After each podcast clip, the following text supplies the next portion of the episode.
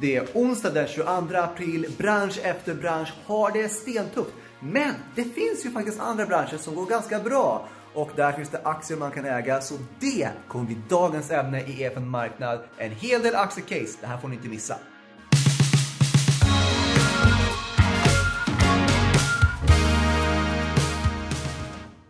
Yes, för att prata om allt det här så har vi bjudit med Staffan Lindfeldt. Varmt välkommen!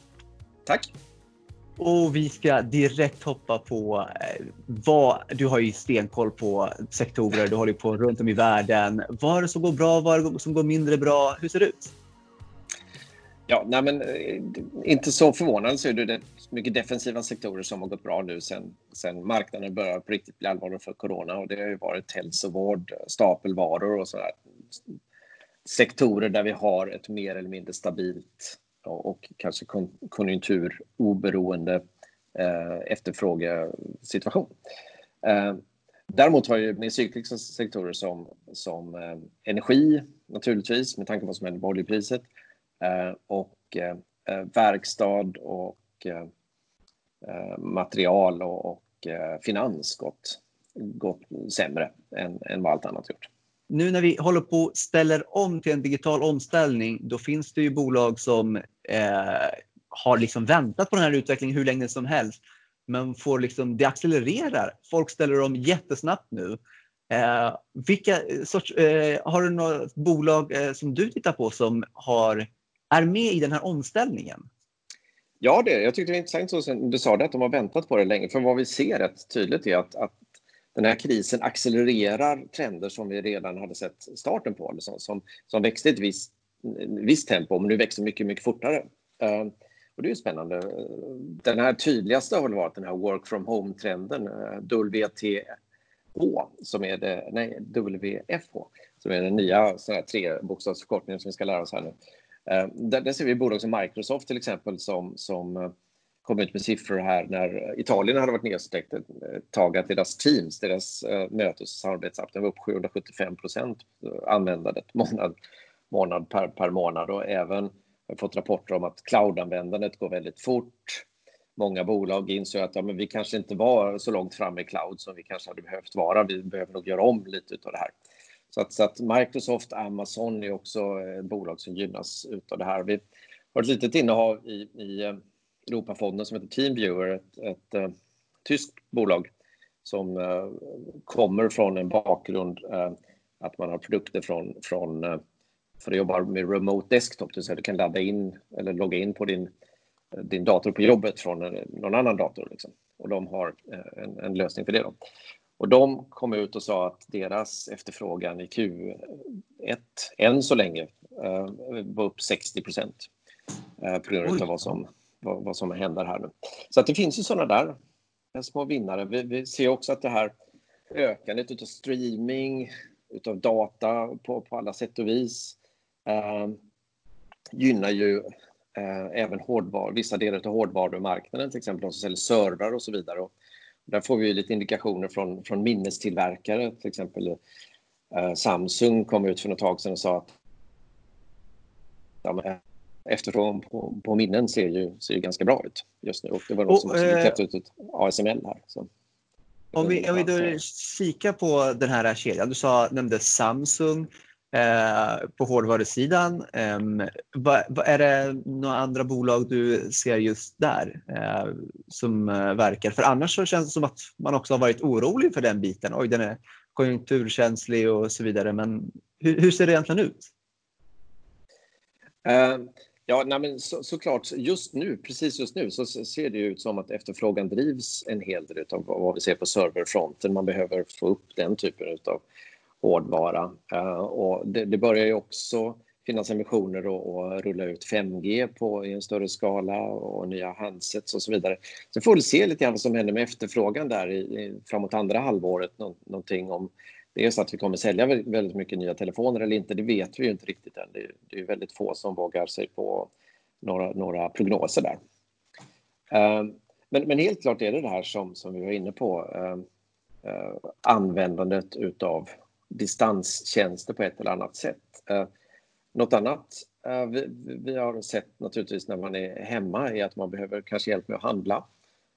Det finns ju en hel del sådana här e-handelsbolag som mår väldigt bra där. Jag tyckte det var typ lite intressant story att Ocado som, som är en av de stora eh, onlinehandlarna i världen, det är väl världens största bara online matbutikerna eh, som, som finns och säljer också rätt mycket hårdvara för att, för att hjälpa till med att sälja mat online, bland annat till Ica. Då. Eh, när UK beslutade om lockdown så trodde de att de var utsatta för en överbelastningsattack från hackers. För att det var så otroligt många som var inne och skulle beställa mat. Eh, så den sålde slut tre veckors delivery slots på, på väldigt, väldigt kort tid. De rapporterar att de tim, vissa timmar på dygnet nu har de hundra gånger mer trafik än vad de brukar ha normalt sett. Eh, ett annat spännande bolag tycker, tycker vi är ju eh, HelloFresh som är ett en tysk variant utav Linas matkasse kan man väl kalla det, de här matkassarna. Eh, finns nu även i Sverige förut. Eh, och eh, eh, de har gynnats otroligt mycket av vad som, eh, vad som sker just nu. De är ju stora i Europa och också stora i USA. Och folk beställer hem mat för, för att få den levererad till, eh, till sin dörr och, och man rapporterar att det är inte bara bra att få maten hem utan det är faktiskt också lite, lite kul att ha någonting att göra. Man får ett recept för att laga en ny mat som man inte gjort förut, så det är lite underhållning också.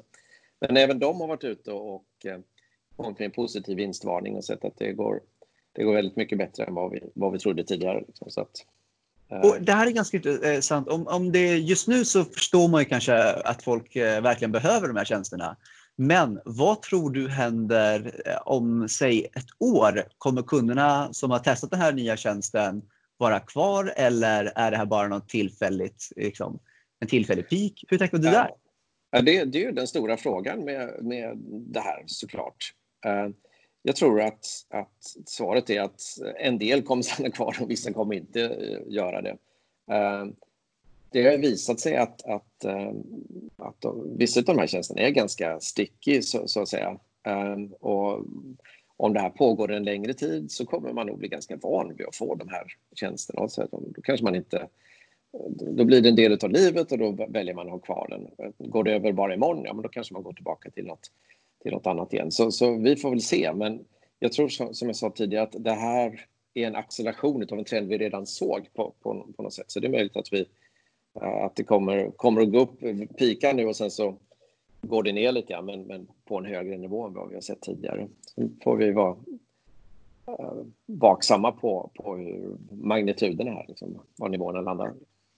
Och en annan sak man behöver, förutom mat för att överleva, eh, när man sitter i karantän, det är ju faktiskt underhållning.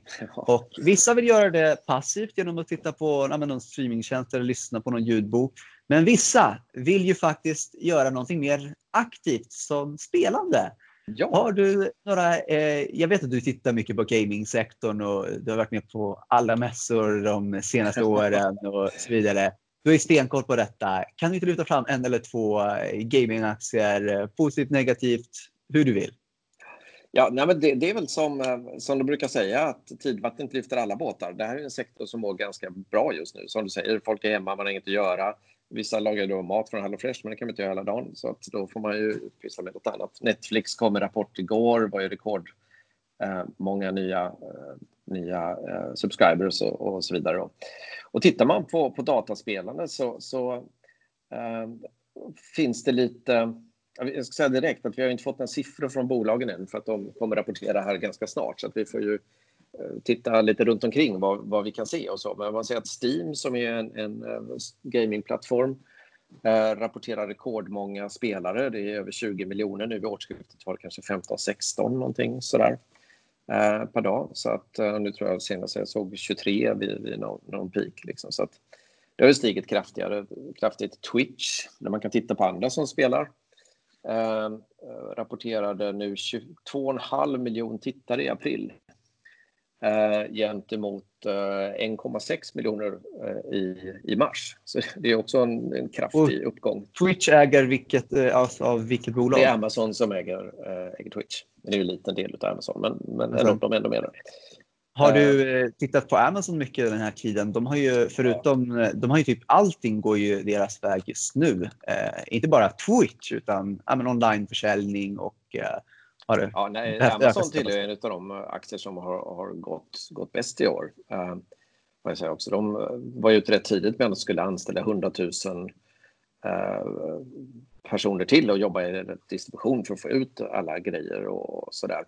Så det har gått bra. Nu börjar det väl komma upp en debatt om man diskuterar vad, under vilka villkor de här som jobbar i lagren nu, nu eh, liksom verkar. Eh, kan man säkerställa smitta, smittspridning och, och, och sådär. Så den debatten får, får de väl hantera här på något sätt. Men helt klart så går det ju eh, bra för, för Amazon just nu.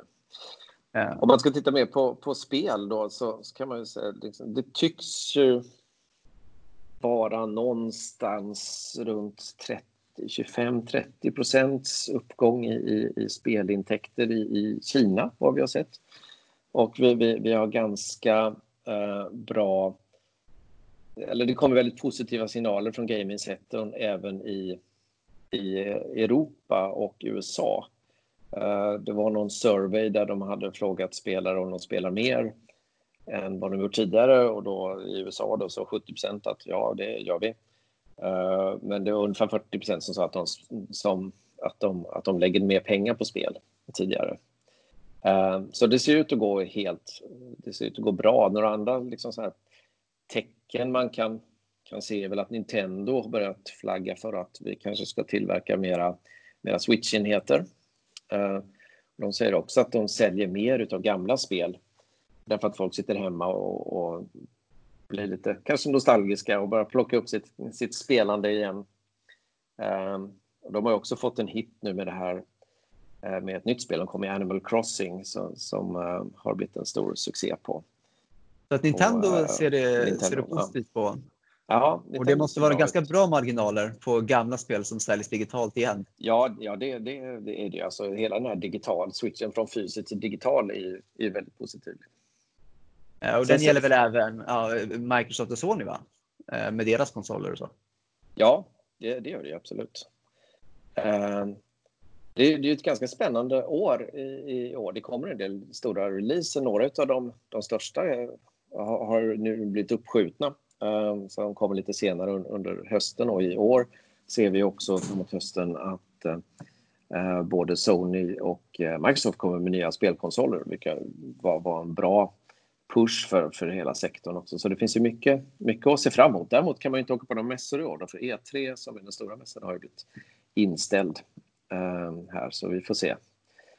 Eh, men, men allt som allt så känns det som att spelsektorn tuffar, tuffar på bra. Eh, eh det, kanske, det kanske kommer bli lite svårare för dem att nå ut med, med marknadsföring och skapa buzz runt sina stora releaser här framöver. Därför att ja, det, är, det är som det är. Det är ju, ska ju mycket billboards och, och sånt här till.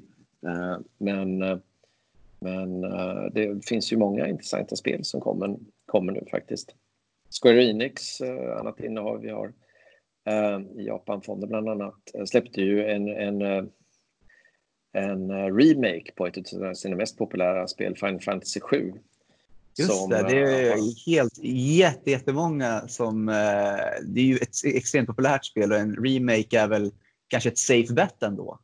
Ja, men lite så. Man, man, man har ju kommit på det i, i branschen att ja, men det finns ju de här nostalgispelarna, om vi kallar dem, dem som, som tyckte så himla mycket om det här spelet. Så att om vi kan ge, göra något nytt till dem så kommer åtminstone de köpa det. Och är det bra ändå spelet, ja men då kanske vi når en ny publik också. Så att det är ju lite safe. Vi ser de stora studierna att satsa mer och mer på, på liksom bekräftade franchises eh, jämfört med vad man kanske gjorde för, för ett antal år sedan där man experimenterade och byggde fram nya, nya franchises. Men det har blivit så otroligt dyrt att producera eh, AAA-spel så att, så att man, man eh, vill ha en, en, en, en hög grad av säkerhet. Det är lite samma sak som filmbranschen gör med, med alla Marvel-filmer. Funkar en så kanske man kan göra en till.